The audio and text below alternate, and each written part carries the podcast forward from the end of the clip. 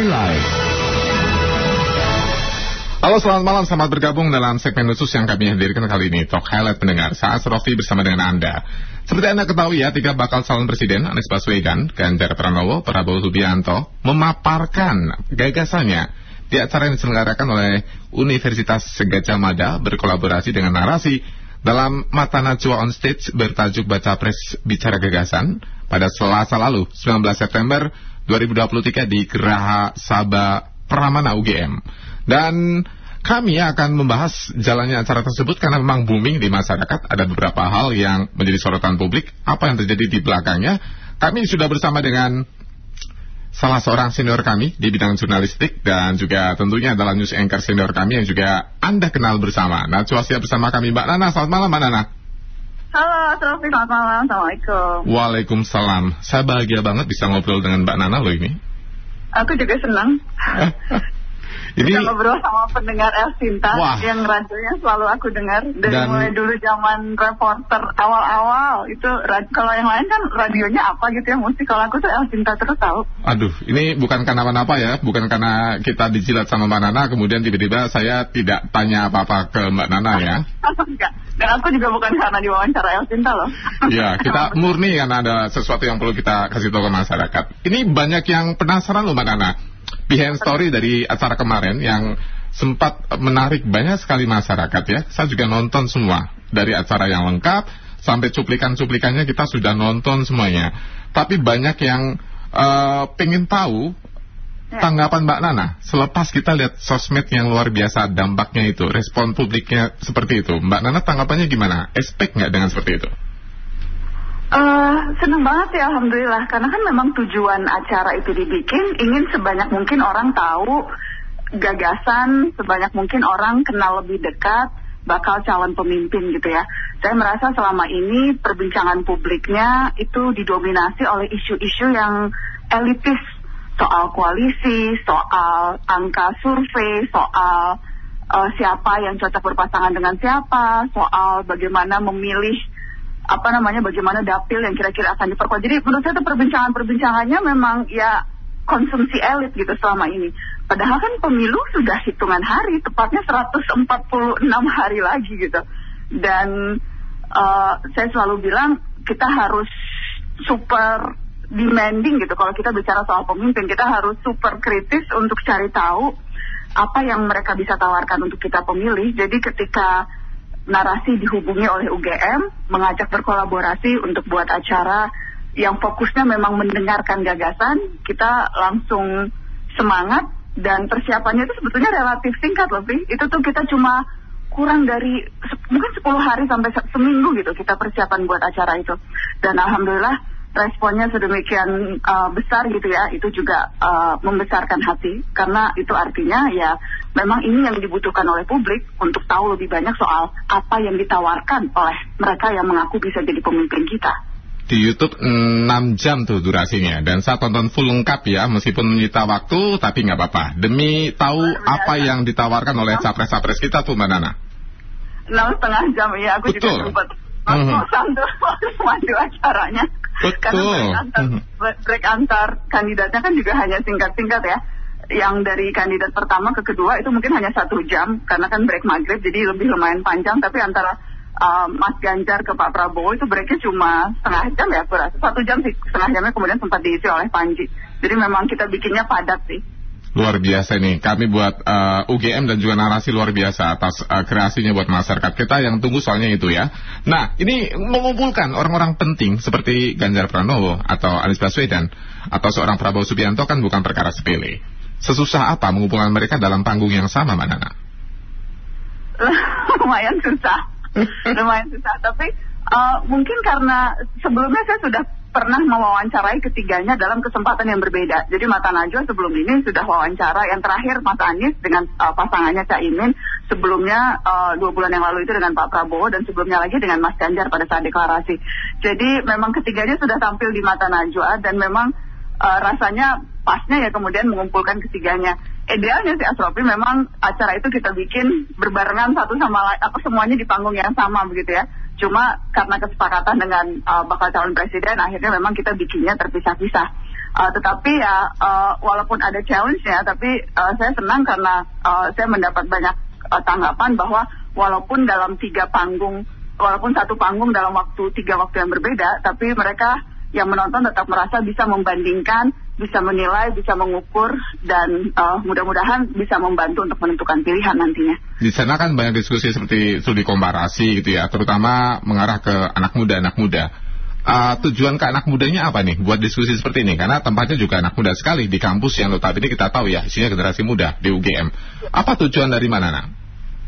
Spesifiknya itu, karena generasi, apa namanya, uh, uh, di pemilu sekarang itu kan 60% pemilih mudanya. Jumlah yang mendominasi gitu. Uh, pemilih pemulanya pun juga cukup banyak. Jadi memang mayoritas yang nanti akan datang ke TPS, yang kita harapkan datang ke TPS gitu ya, nggak golput, itu memang anak muda yang perlu diperkaya referensinya. Dan saya senang banget ketika baca berbagai komentar di media sosial uh, yang bilang bahwa ini ya ada ada yang komentarnya seperti ini tuh yang tadinya nggak berminat sama sekali gitu tapi kemudian ramai di medsos dan akhirnya nonton dan nontonnya betul betul betul full enam setengah jam gitu. Dan memang spesifik kita uh, pada saat misalnya saya mengkurasi pertanyaan yang akan keluar untuk kemudian ditanyakan ke para bakal calon presiden gitu ya uh, saya spesifik memilih pertanyaan-pertanyaan yang memang relate untuk anak muda. Jadi kalau diperhatikan untuk Mas Anies waktu itu ada pertanyaan dari live streaming yang uh, bertanya apa pendapatnya soal generasi sandwich Uh, kemudian untuk Pak Prabowo ada pertanyaan yang muncul bagaimana tanggapannya soal uh, anak milenial dan Gen Z yang sering cemas dan depresi dan sangat peduli mental health gitu. Jadi memang spesifik acara ini ditujukan untuk pemilih muda uh, yang jumlahnya tadi saya bilang yeah. mayoritas mendominasi 60 persen mm -hmm. 60 persen dan memang kita ingin pemilih kita adalah pemilih yang bisa menentukan pilihannya dengan dengan kritis, dengan apa namanya, dengan cara-cara yang memang tidak di uh, apa uh, critical thinkingnya dipakai gitu yeah. ketika memilih. Jadi adu gagasan ya, bukan kemudian di tingkat elitis itu yang dipertontonkan di media selama ini gitu ya, Mbak Nana ya. Iya, itu yang kita harapkan. Nah, termasuk soal muda itu adalah soal sarjana susah cari kerja kali ya Mbak Nana ya. Apa cerita di balik itu sampai ngomong soal jurnalistik dan juga seorang MC? Ada apa sebenarnya Mbak Nana? Oh iya, justru ramainya potongan yang itu ya. Iya. Saya nonton itu sampai ketawa-ketawa Mbak Nana, bisa-bisanya Mbak Nana.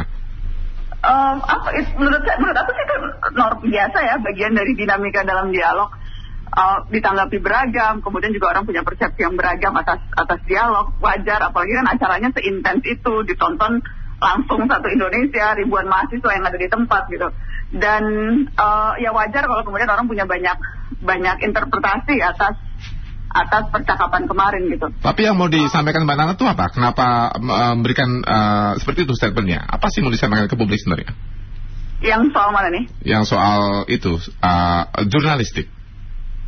Oh, saya merespon sih sebetulnya, merespon uh, apa namanya ketika disebutkan oleh Mas Ganjar gitu ya.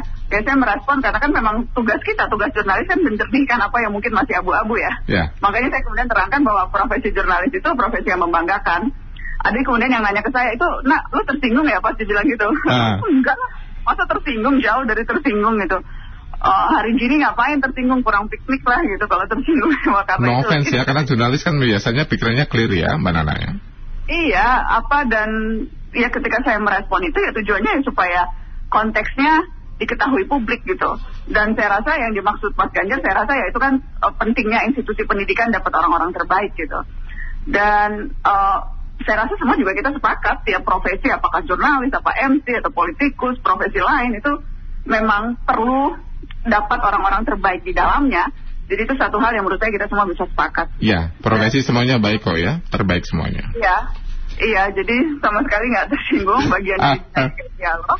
Itu bagian dari sebuah uh, diskusi ya, jadi kalau masyarakat pasti tahu lah. Ini soal sebuah formulasi di acara itu, kenapa ada kaca itu dalam rangka apa? Ada apa di balik semua itu, Mbak Nana? Enggak sih, jadi kita tuh ingin menutup dialog itu dengan sesuatu yang sifatnya lebih personal. Ah. Uh, karena kan kalau memilih pemimpin tentunya ya kita butuh tahu apa programnya, apa yang ditawarkan. Tapi kan kita juga perlu tahu bagaimana karakter sang pemimpin, bagaimana rekam jejaknya sehingga kita yakin tawaran atau gagasan yang diajukan itu bisa dilaksanakan gitu kan. Jadi kan ada tiga komponen tuh kalau kita milih pemimpin. Jadi dari awal ketika kita sudah bicara gagasan, kita menguji uh, para baca pres itu dengan beragam pertanyaan. Nah, kita maunya ditutup itu dengan sesuatu yang sifatnya bisa kita lihat bagaimana karakternya, bagaimana uh, ia memaknai perjalanan hidupnya selama ini lewat beragam rekam jejaknya. Dan cara paling uh, mudah kan meminta refleksi gitu. Dan karena refleksi biasanya selalu dikaitkan dengan cermin, untuk kepentingan show, kita bawa cermin raksasa di atas panggung. Literally cermin ya? Literally cermin gitu, untuk bercermin. Dan kita minta untuk para bakal calon presiden itu berdiri di depan cermin, berbicara pada dirinya sendiri. Karena menurut saya salah satu kualitas penting yang harus dimiliki pemimpin bukan hanya bisa memahami rakyatnya, tapi terlebih bisa memahami dirinya sendiri gitu.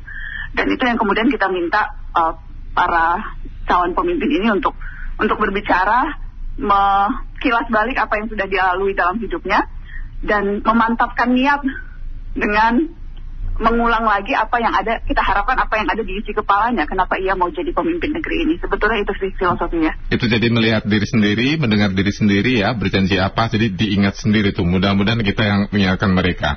Ada seri selanjutnya nggak? Ini banyak pertanyaan dari WA lo ada episode berikutnya nggak ya Manana Uh, kepengen insya Allah mudah-mudahan. Mungkin nanti dengan para cawapres ya. Baca cawapresnya belum loh.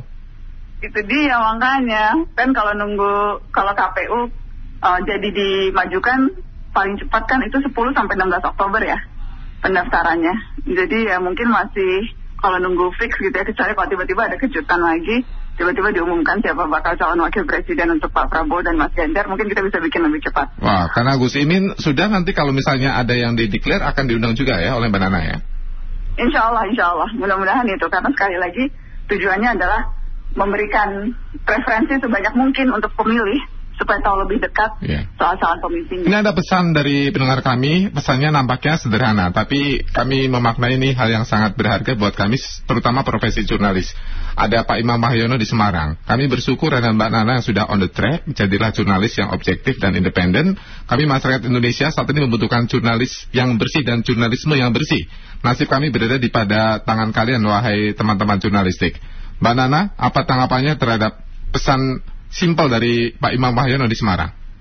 Pak Imam, selamat malam. Terima kasih banyak pesannya. Dan itu sebetulnya alasan kenapa saya tetap bertahan di profesi ini selama 23 tahun sih. Karena saya percaya informasi yang berkualitas itu akan menentukan seberapa berkualitas hidup orang. Jadi semakin berkualitas informasi yang didapatkan manusia, semakin ia bisa membuat keputusan-keputusan yang berkualitas juga pada hidupnya.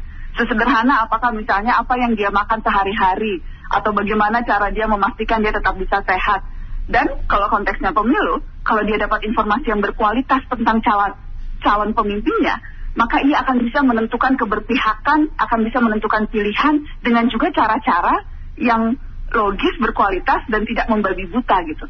Jadi saya percaya pada kekuatan informasi dan saya uh, terharu begitu kalau kemudian apa yang kami lakukan di narasi lewat Elvinta dan lewat beragam karya yang dihasilkan oleh teman-teman jurnalis uh, Indonesia gitu ya bisa membantu uh, uh, bisa membantu untuk menentukan pilihannya lewat informasi yang berkualitas. Amin. Mudah-mudahan konah itu. Satu terakhir Mbak Nana, ini soal kemarin dengan Pak Erik ada Satgas Mafia Bola. Kita tahu Mbak Nana kan sering bongkar-bongkar itu di acara Mata Najwa. Dengan posisi Mbak Nana di situ sebagai apa nanti Mbak Nana? Uh, sebagai anggota tim Satgas, jadi saat ini tim anggota timnya ada empat. Uh, saya salah satunya, ketuanya adalah Bang Ara yang dulu memang sempat intens untuk bikin piala presiden. Kemudian juga ada uh, Akmal, Akmal Marhali yang kita tahu uh, punya Save Our Soccer dan dulu juga selalu jadi partner saya ketika investigasi berbagai uh, kasus pengaturan skor atau mafia.